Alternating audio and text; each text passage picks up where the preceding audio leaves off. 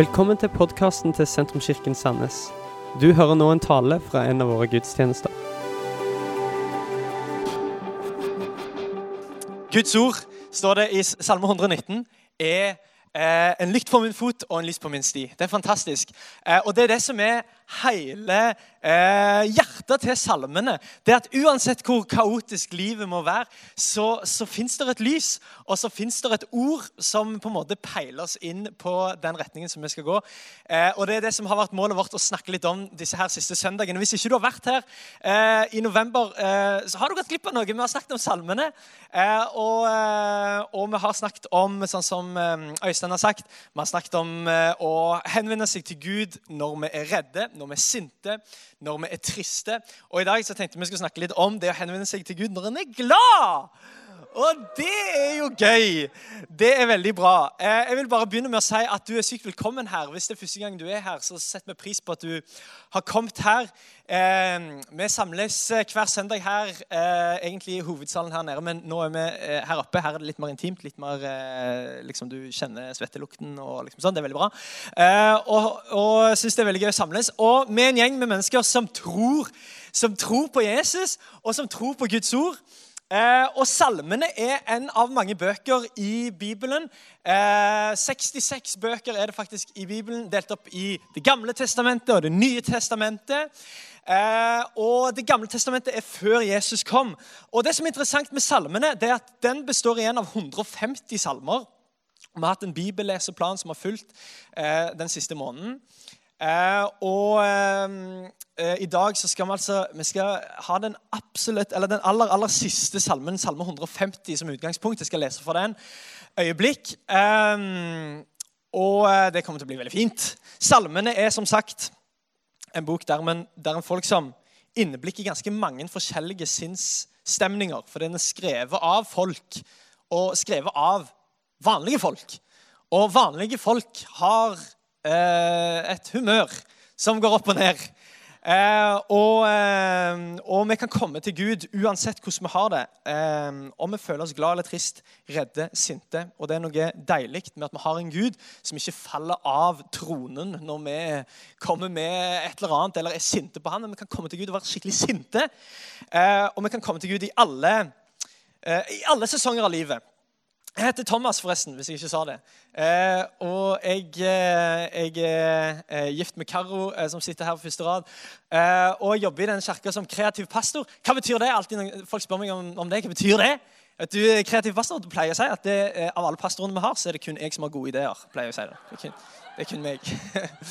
men eh, jeg har litt eh, andre oppgaver òg. Eh, men eh, vi prøver å skape et miljø for kreative mennesker.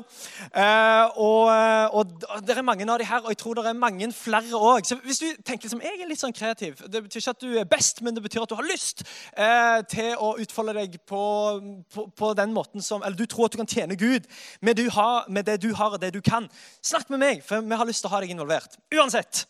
Eh, så eh, skal jeg snakke om det å være glad i dag. Det blir sagt at ingen er ateister i skyttergravene, er det et eh, uttrykk som sier.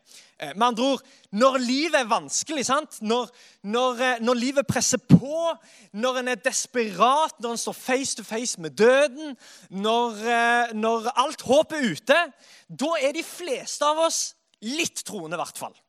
Eh, når, når, ting er veldig vanskelig, eller når en, har, når en, ser ingen annen utvei, så blir de fleste av oss litt mer troende. Eller kanskje de som aldri har bedt en bønn, kanskje ber de eh, en bønn på, på, det aller, aller mørkeste og på det aller, aller verste. Eh, jeg leste akkurat en sak på eh, tv2.no. Eh, faktisk en, en, nyhetssak. Dette er ikke bare en historie som vi finner på, en nyhetssak, du kan søke det opp. Men der det sto om to piloter som kjørte et mikrofly der de innser at det er hull i bensintanken eh, mid-air. Så eh, De går tom for bensin, og de er liksom mange tusen meter, meter opp i været. Og, og de går tom for bensin, og alt håpet er ute basically. Sant? De tenker med seg selv, Dette er et mikrofly. Det er ikke veldig mye, eh, det er ikke gode støttfangere her og liksom masse gode sikkerhetstiltak som det bare er å trykke på disse knappene her, så går det bra. liksom. Men, men eh, dette går dårlig. Og, og, og eh, han ene piloten sier til han andre 'Hva gjør vi nå?' Og da svarer den eh, andre piloten noe han aldri har sagt før i sitt liv. Vi må be til Gud. Så, så det klart, Her sitter det to piloter som egentlig ikke er kristne, eller som egentlig ikke har en tro. Men når alt håp er ute, så sier den ene til den andre vi må be til Gud. Så de eh, ber til Gud, eh, og det som skjer, det er faktisk et mirakel. Fordi de eh, skal til å lande, og rett før de på en måte styrter i bakken, så kommer det et, et lite vindkast som gjør at det ikke blir så alvorlig styrt likevel. og De lander på, ganske fint på en eng. Og det de ser når de lander på denne enga, det er et svært skilt der det står 'Jesus is Lord'. Det er ganske kult. Og jeg håper virkelig at de ga livet sitt til Jesus eh, der på enga. Det, det, sier ikke nyhetssaken noe om, men det er en ganske, ganske gøy historie. Men, men, er det ikke sant, da, at, eh, at sånn er det litt eh, med livet? At når, når liksom alt håp er ute, og når vi virkelig virkelig trenger det, og Vesten vinner på det også, altså Når vi ikke har en jobb, da er det liksom da, ok, Nå er alt oppe ute. Jeg har prøvd alt, jeg har gjort alt, og nå vet jeg ikke mer hva jeg skal gjøre. Hva kan jeg gjøre nå? Jo, jeg ber til Gud. Og så er det på en måte ganske logisk å be til Gud i dalen. Og, og når vi har det vanskelig, og, og når, vi, når, når, på en måte det ikke er noen andre løsninger, så er det egentlig kanskje mer logisk å henvende seg til Gud enn når det går bra. Enn når livet liksom bare flyter. Og når vi er glade, er egentlig poenget mitt. Kanskje så krever det mer disiplin å tilbe Gud på fjellet enn i dalen. Kanskje krever det av oss en større grad av eh, disiplin og faktisk henvende oss til Gud når alt går bra. Fordi at når, når, ting er håpløst, når alt hopper ute, så gir det jo mening. Og da er det, jo, da er det et desperat forsøk på å bare ta tak i nesten hva som helst. Og, og, og, det gjør kanskje de aller fleste av oss. Men hvem henvender seg egentlig til Gud når ting går bra? Når en er velsigna? Når, når en er i flytsonen og liksom ting egentlig Nå har jeg det egentlig bra. Kanskje vil jeg vil påstå at, at, det er kanskje sånn at når vi er på livets topper, at det avsløres om Gud er religion eller relasjon for oss. Kanskje så er det sånn at når, når vi er på, på, fjellet, at det avsløres om Gud er noe personlig for oss, eller om det egentlig bare er en krykke eller noe som jeg henter fram når jeg har behov for det. Jeg ble oppmerksom på et nytt uttrykk denne uka. Vampyrkristendom. Det, høres, det, er like alvorlig som det høres ut som. Vampyrkristendom. Det er når kristendom, når du bare er opptatt av Jesu blod, men du, ikke, du bryr deg egentlig ikke om livet hans. Henger du med? Altså, det, det, er litt morsomt, men det er ganske alvorlig samtidig. Fordi at det, fordi at det, det er noe med, med når, når, Jesus bare blir redusert til noe som du trenger når du har behov for det. Så jeg, jeg, jeg vil ha Jesu blod. Når jeg trenger nåde, ja, da er jeg veldig glad for at det fins en frelser som har dødd for meg. Da trenger jeg nåde. Eller når jeg dalen, nå trenger jeg tilgivelse, så da tar jeg tak i Jesus. Eller nå trenger jeg styrke, så derfor Nå har jeg ikke en jobb, så nå og så blir det egentlig liksom vampyrkristendom. Jeg, jeg, er bare takknemlig for, eller jeg vil bare ha Jesus hvis det tjener meg noe. Jeg vil bare ha Jesus, hvis jeg, hvis jeg, har et behov, så vil jeg henvende meg til Jesus. Men jeg er jo egentlig ikke interessert i å ha en eller annen relasjon med ham. Jeg er jo egentlig ikke interessert i å gå sammen med ham. Jeg er veldig lite interessert i å faktisk bli konfrontert av ham. Jeg er veldig lite interessert i å faktisk lese Bibelen min og lese ting jeg er uenig i. Men det er da du vet at du tilhører faktisk en Gud. Når du leser ting som du er uenig i. Det er en eh, teolog som sa at Gud skapte mennesket i sitt bilde, og mennesket var ganske raskt med å gjengjelde den tjenesten. Og, og, og, og, det er kanskje litt sånn i vår tid at vi har, vi har plassert Gud innenfor i, i vårt bilde og, satt han på en måte innenfor våre rammer. Og så henter vi fram den Jesusen når vi virkelig trenger når, når vi har det skikkelig vondt og når livet er skikkelig drit. og Da har jeg en god grunn for å henvende meg til Jesus. Og vet du, Dette er jo ikke for å si at vi skal slutte med det. Nei, nei, Det er fantastisk Det er fantastisk med vår frelser. Han ser oss på dypet, han ser oss i mørket. Og han er lyset eh, for foten vår og for stien vår. Det er nydelig. Men vet du hva, han er så mye mer enn det. Og, og, og, og, vi kan få lov til å henvende oss til Gud òg i flytsonen, òg når det går bra, òg når vi er glade. For det er det som er relasjon. sant? Det er jo det som er fantastisk med et kirkefellesskap. Vi har alltid noen å gå sammen med i stormene, men det som er like fantastisk, vi har alltid noen å feire oppturene med. Sant? Det er jo det som er fantastisk med et fellesskap, med vennskap, med ekteskap. Ikke bare at det er så bra å lene meg på noen når det går vanskelig. Nei, det er like fantastisk at en alltid har noen å stå sammen med når det går bra. Noen å feire med når livet er bra. Og vet du hva? På samme måte så er ikke Gud en eh, Han kom ikke for å starte en religion. Når, når Gud sendte Jesus til, til, jorda, så var ikke det her, her er det en ny religion. Her er det noen nye greier som dere skal gjøre, eller noen nye greier dere skal forstå. Nei, nei. Han kommer ikke for å starte en religion, han kommer for å starte en relasjon med oss. En levende relasjon. Så vi kan, vi kan få lov til å være sammen med Gud når, når, det er drit og når det er kjipt. og alt sånt. Men òg en som står sammen med oss, og vi kan feire sammen med. Og nyte livet sammen med. Og, eh, og elske sammen med. Eh, jeg tror at eh, sant disippelskap er å komme til Gud. Ja, i vår sorg, vår redsel, vår sinne, men òg i vår glede. Og dette er en sånn, dette er en sånn god sirkel, egentlig. Fordi at glede er òg konsekvensen av disippelskap. Glede er konsekvensen av disippelskap. Faktisk. Vi tilhører gledens herre. Vi blir glade av å tilhøre gledens herre. Gledens herre, vær vår gjest ved vårt bord i dag. For en låt! For en sang! Gledens herre, vær vår gjest. Og så hør Gjør vårt måltid til en fest etter ditt behag. Fantastisk! Det er, jo, det er jo helt nydelig at vi tilhører gledens herre, som har lyst til å forvandle hvert et måltid til en fest. Det er Guds behag. Det er etter Guds vilje. At hvert et måltid skal være en fest. At livet sammen med Han skal være en fest. Jeg skrev nettopp en artikkel om dette. Eh, at, at Guds rike er en fest. Og Poenget mitt er at det er faktisk en fest. Er, livet sammen med Jesus er meint til å være en fest. Det betyr ikke at du alltid har det bra, men det betyr at du alltid har noe å feire. Og, og, og, det var ei som skrev eh, denne, eh, det var liksom ei som kommenterte på denne artikkelen.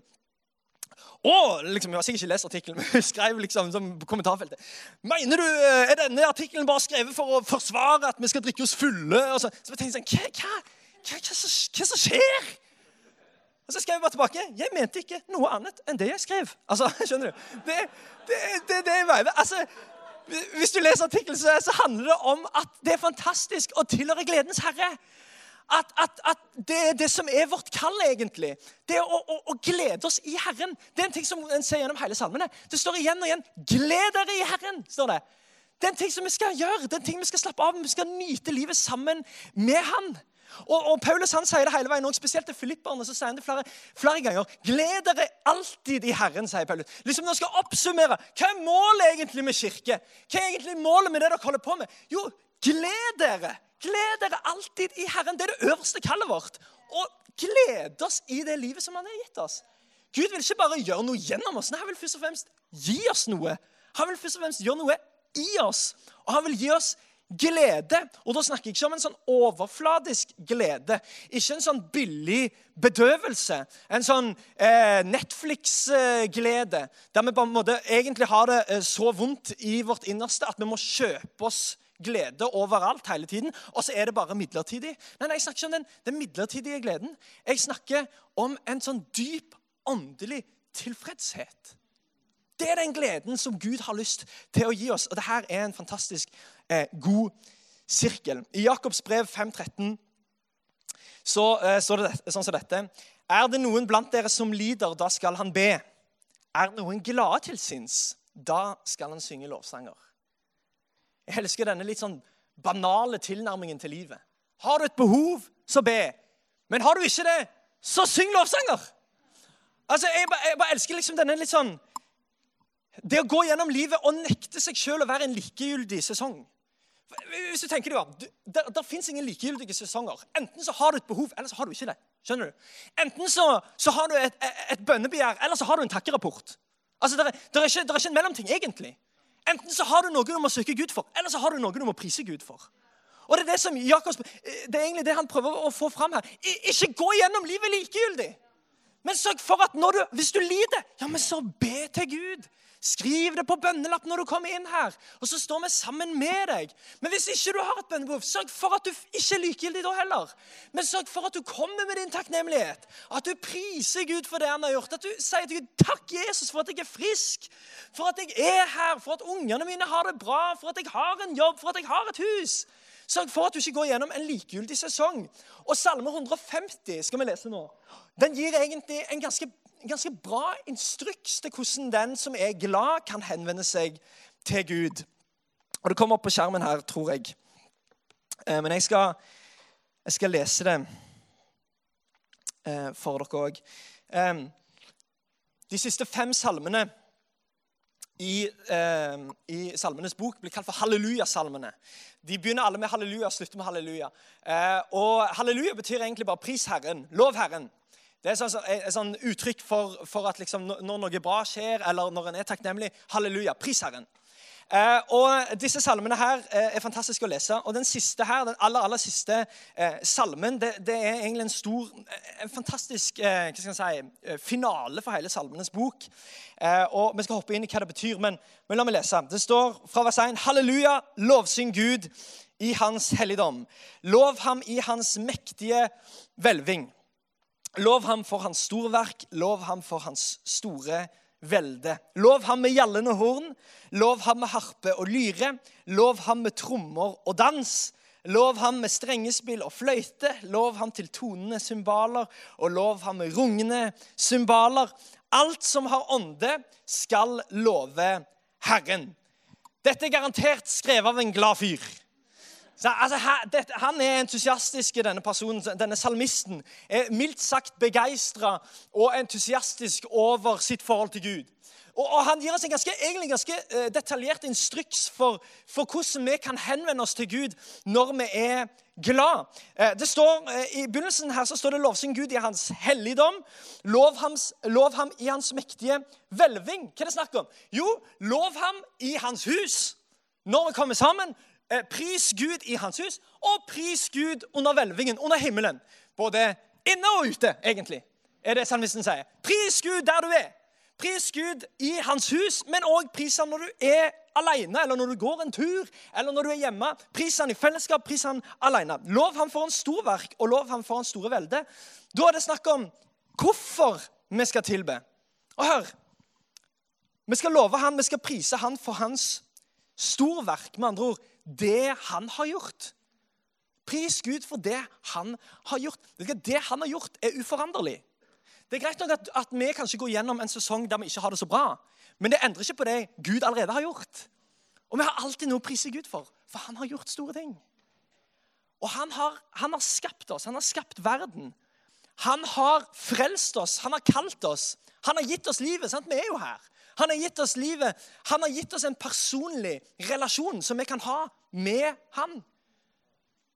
La oss prise hans for hans storverk, det han har gjort. Men så sier også eh, salmisten her La oss ikke stoppe der, men la oss også prise ham for hans store velde. Altså med andre ord, La oss prise ham for den han er. La oss love Gud for hans karakter og for hans personlighet og for den han er. På engelsk så står det 'for his excellent greatness'. Hans perfekte storhet. Sånn, du skjønner, Gud er ikke bare stor, men han er, han er perfekt stor. Det fins ingen større. Han er kongenes konge, han er legenes lege, han er gudenes gud. Så la oss prise han, og la, oss, la, la vår pris matche på en måte hans karakter. Egentlig det salmisten sa her. La oss love, for, love ham for hans store velde. La oss prise Gud for det han har gjort. Men la oss ikke stoppe der. Vi har òg noe annet å prise han for, nemlig den han er. At han er stor, men likevel nær. Tenk over det. Han er stor, så ser han meg likevel. Han er hellig, men allikevel så Så er han med meg. Han er perfekt, men likevel så bruker han tid sammen med meg. Det er hans karakter. Han er trofast. Til og med når jeg er troløs, sier Bibelen. Til og med når jeg er troløs, så er han trofast. Wow! Vi kan prise han for hans trofasthet for den han er. Så fortsetter jo denne salmen med å gi oss ganske eh, spesifikke instrukser. Lov ham med gjallende horn, folkens.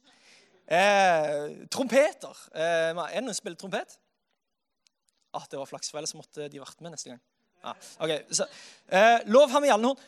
Lov ham med harpe og lyre. Lov ham med trommer og dans. Fantastisk. Lov ham med strengespill og fløyte. Lov ham med tonesymbaler og med rungende symbaler. Hva er det snakk om? Basically så sier salmisten her la oss bruke melodier.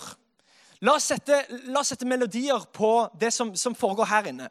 La oss sette ord på det. La oss bruke rytmer. La oss bevege på oss. Oss, til og med dans står det her. La oss, la oss, liksom, la oss bevege av dette budskapet. La oss bruke lyd, og la oss bruke høyt volum. Faktisk, når det står lov her Lov står det faktisk 13 ganger i denne bitte lille sammen. Det er seks vers, men det er 13 ganger. Så står det 'lov ham'. Og ordet 'lov' som blir brukt her, det er ordet 'halal', som egentlig eh, liksom bokstavelig talt betyr 'med en høy stemme'. Med en høy røst. Lov ham med en høy røst. Det er egentlig det det står. Pris Gud med lyd, med volum, står det faktisk. Du kan òg oversette det med, med stor begeistring. Så syng til Gud med stor begeistring. Syng til Gud med en høy røst. Hvorfor det? Jo, fordi at når vi bruker en høy røst vet, når, vi, når vi snakker til unger, og så sier vi sånn Bruk innestemme. Eller hvis, vi, hvis en krangler med noen, så er det sånn Nei, liksom, hold liksom, roen og, og snakk liksom Ikke hev stemmen. Hvorfor? Jo, fordi at en høy røst er jo et symptom på følelser ute av kontroll. Du, du, altså, jeg har, når, hvis, jeg, hvis, jeg, har en rolig røst så, når, i en krangel, for eksempel, så sier jeg nå har jeg kontroll. Jeg har, jeg har eh, eh liksom, Følelsene mine de, de, er liksom i sjakk. Dette går bra. Så derfor kan jeg eh, liksom diskutere istedenfor å krangle. Og så er det et poeng for oss, fordi at, det, at, at, vonde følelser når det er ute av kontroll, så blir det ubehagelig, og så blir det høy røst, og så blir alt mye verre enn det trenger å være. Men her sier salmisten faktisk det motsatte. At når det kommer til de gode følelsene, og den takknemligheten som vi kjenner overfor Gud, og, og den begeistringen som vi har for Gud, sørg for at det, det, er ingen kontroll! Det er egentlig det. Bruk en høy stemme, for det er helt ute av kontroll! La, altså, la tilbedelsen matche hvor stor Gud er. La oss bruke en høy stemme. Og vet du Dette er jo veldig lite norsk, men det er veldig, veldig bibelsk. Og Bibelen oppmuntrer oss til å lage lyd for Gud. At det ikke er stille når vi samles, men at vi, vi lar oss engasjere med kroppen vår, med livene våre. La oss løfte hendene når vi synger. Og så er det noen som tenker ja, men det ville vært hyklerisk for meg, for det føler jeg ikke for i hjertet mitt å løfte hendene mine. Nei, nei, men, men hvis du gjør det, kanskje så gir du da hjertet et lite hint. Fordi, ok, har, Kanskje så har du ikke ja, men jeg mener det. Kanskje har du ikke kontroll over hjertet ditt, men det du alltid har kontroll over, du har kontroll over kroppen din. Du kan når som, når som helst bestemme over kroppen din. Du kan, du kan, nå, kan du, nå, er jeg med. Du trenger ikke liksom, å, jeg må føle det før jeg var. Nei, nei, Du kan bare være med. Og så kan du løfte hendene dine, ikke fordi du følte det, men fordi du, du, vet at det er en rett ting å gjøre. Og så kanskje vil kroppen minne hjertet ditt på, minne ånden din på hvem du tilhører. Og at du har noe å være takknemlig for. Vet du hva, Jeg har, eh, jeg har en drøm. I have a dream! Eller for å sitere eh, Anne Brekke, hun er en eh, stor helt for meg, som var rektor på friskolen. Så 'Jeg har en drøm', sa hun alltid. 'Jeg har en drøm om en farverik skole'. Kommer aldri glemme det. Og, og vet du hva, jeg ble så inspirert. Ja, jeg vil gå gjennom livet med en drøm. Og, og jeg har en drøm, da. Jeg har mange drømmer. Eh, men jeg har en drøm ikke bare for denne kirka her, men jeg har en drøm for dette landet her. Jeg har en drøm for eh, jeg har en drøm for masse greier. Jeg må ikke begynne. Men, men, men jeg har, eh, bare sånn i lys av dette så har jeg en drøm for, for, for kirka vår, men ikke bare for oss, men for, for kirka i Norge. Tenk så rått hvis vi hadde et lovsangsteam som, som sleit med å holde takten på den, den entusiasmen som var i kirka. Skjønner du hva jeg mener? Tenk så rått hvis vi hadde et låsested som liksom hadde problemer med å være med fordi at folk kom til gudstjeneste og var så gira på å prise Gud. At liksom Shit, vi må bare ta en sang til! Bare spill! Bare men skjønner du? Det er min drøm. Det er min drøm at, de, at, at liksom, for det, tingen er at lovsangen Helt teoretisk sett, lovsangsfolka som, som, står her, de er jo ikke her fordi de vil spille. Altså, jeg vet at de vil det, Men det er ikke derfor de er her. De er her fordi dere vil synge. Jo, men jeg mener det. Det er derfor de er her. Det er fordi dere vil synge. Hvis ikke dere vil synge, kan de gå hjem. Nei, Det er menigheten som kommer sammen. Vi er her for å prise Gud. Her er det ingen lovsangere. Hva er du, krise?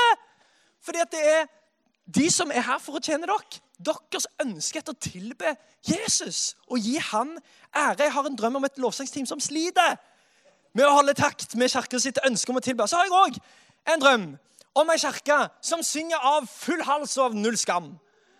Jeg har drøm, som, en drøm om ei kirke som lager mer lyd for Jesus enn for fotball. Altså, kom an! Tenker jeg, da. Jeg har en drøm om ei kirke som, som, kommer sammen, og som setter temperaturen. Ikke bare måler temperaturen. Som kommer inn og, liksom, Istedenfor å liksom, å, nå lurer på hva slags stemning det er her i dag. Å, ja, se her, det var litt slakt i dag. Eller, liksom, her kommer jeg og setter, eller måler temperaturen, og så har jeg masse meninger om hvordan dette burde vært eller ikke burde vært. Men som kommer og setter temperaturen. Wow, klokka er tolv. Det er tid for å tilbe. Jeg er her for å sette den temperaturen. Jeg er her for å gi Gud ære. Uansett hvordan jeg føler det, og uansett hva jeg går gjennom, så vil jeg tilbe med lyd. Jeg vil tilbe med kroppen min. Jeg vil tilbe med livet mitt. Og ikke misforstå meg. Det fins en tid for å være stille. Det fins en tid og sted for alt. Og det fins en tid for å være stille, og tilbedelse er mye mer enn lyd. Og det fins en, en, tid for å søke Gud i 100 stillhet. Og for å lukke øynene sine og la Den hellige ånd tale til oss. Det er, ikke, det er ikke det at vi skal bråke hele dagen, som er poenget mitt. Men, men poenget mitt er at når vi kommer sammen i Hans helligdom, la oss sørge for at vi tar med oss entusiasmen. Enten entusiasme for de behovene som jeg har, eller som menneskene rundt meg har, eller den entusiasmen som jeg har for den takknemligheten som, som jeg òg har i livet mitt, og de velsignelsene som Gud har gitt til meg. Det var ei ungdomsarbeider som sa til meg at eh, Thomas, du er som en Tesla. Yes, tenkte jeg. Det er jeg. Du har rett. Jeg er en Tesla. Og Poenget hennes var det var en veldig profetisk ting. egentlig. For Hun sa til meg du er akkurat som en Tesla. fordi at når du, eh, når du kjører, så kjører du fortere enn alle andre, men så må du lade etterpå. Ja, det er sant! Det er meg. Og I motsetning til det veldig mange tror, så er jeg egentlig en introvert. Jeg er sånn som jeg må bruke tid alene, jeg må bruke tid i stillhet. Mitt, mitt, personlige liv med Gud er veldig sjelden at jeg sitter hjemme og lager masse lyd og slår på cymbaler og spiller trompet. Men fordi at jeg trenger å lade. sant? Og, og, og, når jeg bruker tid sammen med Gud, så er jeg ofte bare veldig veldig stille. La meg fortelle deg eh, om eh, mitt liv. Går det bra? eh, fra når, eh, om, om, morgenen. Det er bare et lite innblikk i min morgenrutine. fordi jeg er så glad for denne morgenrutinen som jeg har fått på plass. Eh, og Dette er bare til inspirasjon. Kanskje kan du eh, ta, ta, denne med deg. Men, men, nå har jeg begynt å lade mobilen min i gangen, og det er en veldig bra ting. fordi at da legger jeg meg ikke med mobilen og sitter på Instagram helt til jeg sovner, og så våkner jeg og så bare, jeg er så trøtt, så derfor sitter jeg fortsatt litt på Instagram. Men jeg lader mobilen i gangen, sånn at når alarmen går, så er det sånn ah, stress. Eh, så du blir litt sint, men det er en pris å betale. Og så går du ut i gangen, da, og da eh, eh, finner du mobilen. Og da er du på en måte oppe, så da kan du liksom godt gjøre noe ut av deg. Så eh, da går jeg inn på badet og setter meg på do. Jeg går ikke på do, men jeg bare sitter der. Eh, og så, eh, når jeg sitter der, så hør Når jeg sitter der, så ber jeg en bønn. Og Når jeg ber denne bønnen, så bruker jeg Fader vår. Eh, og Dette er et, tips til deg jeg har lært av eh, en bok av Arild Edvardsen. Eh, så, så, bruker jeg eh, Fader vår, eller Vår Far, som han heter nå, eh, som utgangspunkt for en personlig bønn. Så Jeg siterer ikke bønnen, men jeg bruker hver eh, del av bønnen som Jesus lærer oss å be. Og så bruker jeg hver del av den bønnen Eh, og så setter jeg mine egne ord på de tingene. Vår far, du som er i himmelen. Oh, wow. Så takker Gud for at han er min far, for at han ser meg, for han elsker meg, for han har et plan for livet mitt, at han er stor, at han er fantastisk. Og så går jeg nedover. sant? Eh, la ditt navn holdes hellig. Eh, la din vilje skje på jorden som i himmelen. Ja, Så ber jeg for deg. Oh, bruk meg til å bety en forskjell i verden. Bruk meg til å være den beste ektemannen jeg kan være, til å være den beste disippelen jeg kan være, til å være den beste lederen jeg kan være. Og så ber jeg, bruker jeg, eh, setter jeg personlige bønner på den bønnen som Jesus har lært oss å be. Og så er, det, så er det ikke masse lyd og leven, men det er fantastisk. Og jeg sitter der, og, og jeg får lov til å erfare Gud. Og jeg er en Tesla som lader for å kunne gi noe. Som lader for å kunne være en velsignelse. Og som lader for å gå og forandre verden. Har, Gud har til og med lagt dette inn i skapelsesordningen. Sant? Den første dagen utgår, så lader vi.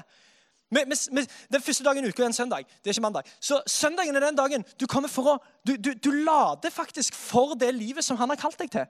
Noen tror at hvile er noe du gjør etter du arbeider. Nei, nei. For en bibelsk standard så er hvile noe du gjør for å arbeide. For å forandre verden, for å være en velsignelse. Så jeg sørger for at jeg har ladet hos Gud, sånn at når jeg er på den rette tiden og det rette stedet, så har jeg noe å gi. Så er jeg en Tesla som kjører fort. Jeg, har, jeg, nekter å være en person som er reservert. og jeg synes Det er en sånn tragisk ting når folk snakker om nordmenn som reserverte mennesker. og da tenker jeg alltid, Reservert for hva da? Hva er du reservert for? Ja, OK. Eh, og den siste tingen eh, Den siste tingen som står i eh, Salme 150, sant? Eh, det siste verset, så står det alt som har ånde, skal love Herren. Halleluja. Med andre ord det står hvem er det dette gjelder? Jo, alle som har ånde. Og det er de aller, aller fleste av oss. Eh, så med andre ord så, så, eh, så, snakker faktisk salmisten egentlig ganske helhetlig om dette. At dette handler jo egentlig ikke om disse spesifikke om du slår på cymbaler eller gjallende horn. Men dette handler jo egentlig om deg som menneske. At dette er din identitet. Dette er din øverste identitet. Dette er ditt øverste kall å glede deg i Herren. Dette er ditt, din, din, fremste identitet, at du er en tilbeder. Jesus står og snakker med ei dame eh, eh, rundt en brønn. Og De snakker sammen eh, om tilbedelse. Og Så sier Jesus noe interessant. Han sier ja, men det er jo sånne tilbedere som far vil ha. Han, han snakker litt og, rundt dette. Ja, men sånne tilbedere vil far ha. Med andre sier ikke sånn tilbedelse vil far ha. Så, så, Gud er ikke sånn junkie på vår tilbedelse. At, liksom, at, vi må bekrefte han for at han skal føle seg bra. At han føler seg bra, han. Han har det helt supert. Så det ikke, Gud trenger ikke vår tilbedelse, men vi trenger å gi tilbedelse. For det rekalibrerer hjertene våre, og det gjør oss mer lik han. Gud han vil ikke ha tilbedelse, han vil ha tilbedere. At det er vår identitet, og det er det salmisten sier. Men alle, uansett hvem du er, hvis du har ånde, så er du en tilbeder. Tilbe han, pris han.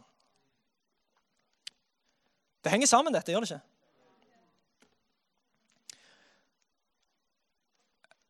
Bandet kan gjøre seg klart. Vi skal, vi, skal, vi skal, prise Gud her. Men jeg har lyst til å og minne deg på noen ting her på slutten. Fire punkter som du kan skrive ned hvis du vil. Fordi det er noen grunner til at vi kan være glad uansett hva.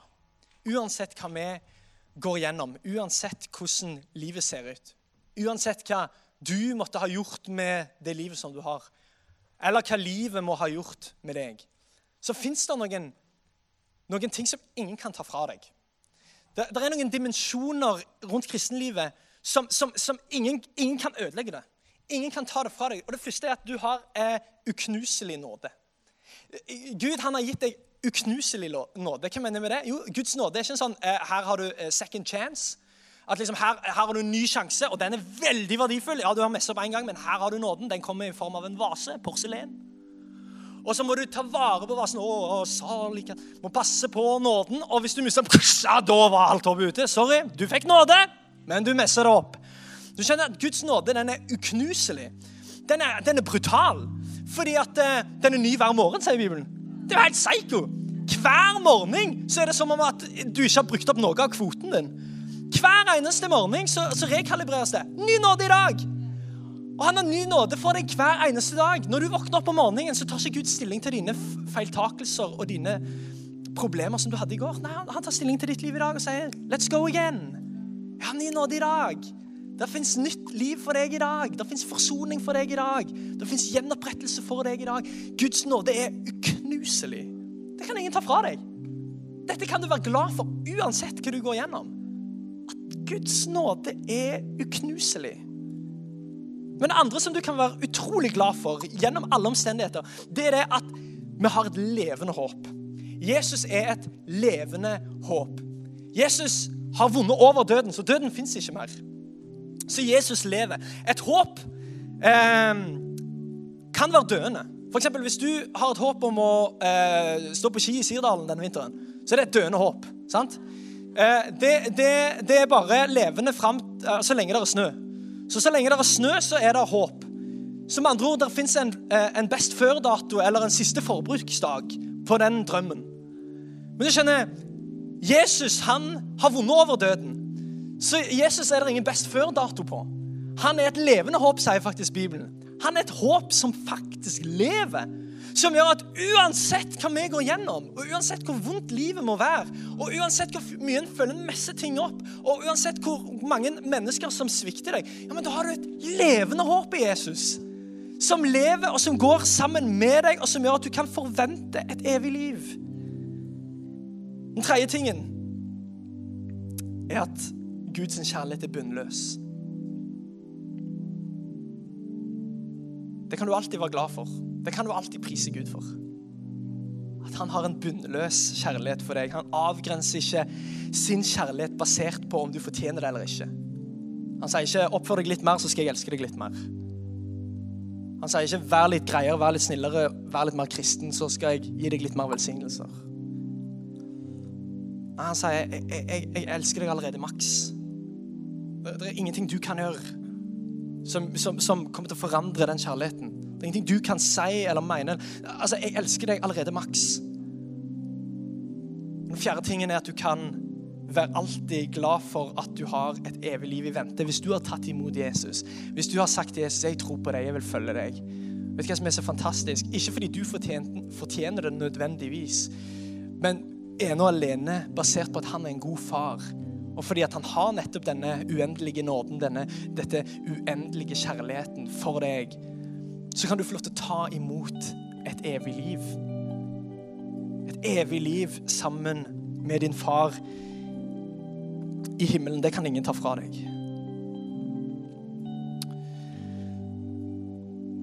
Sanger òg. Skal, skal vi reise oss opp, alle sammen?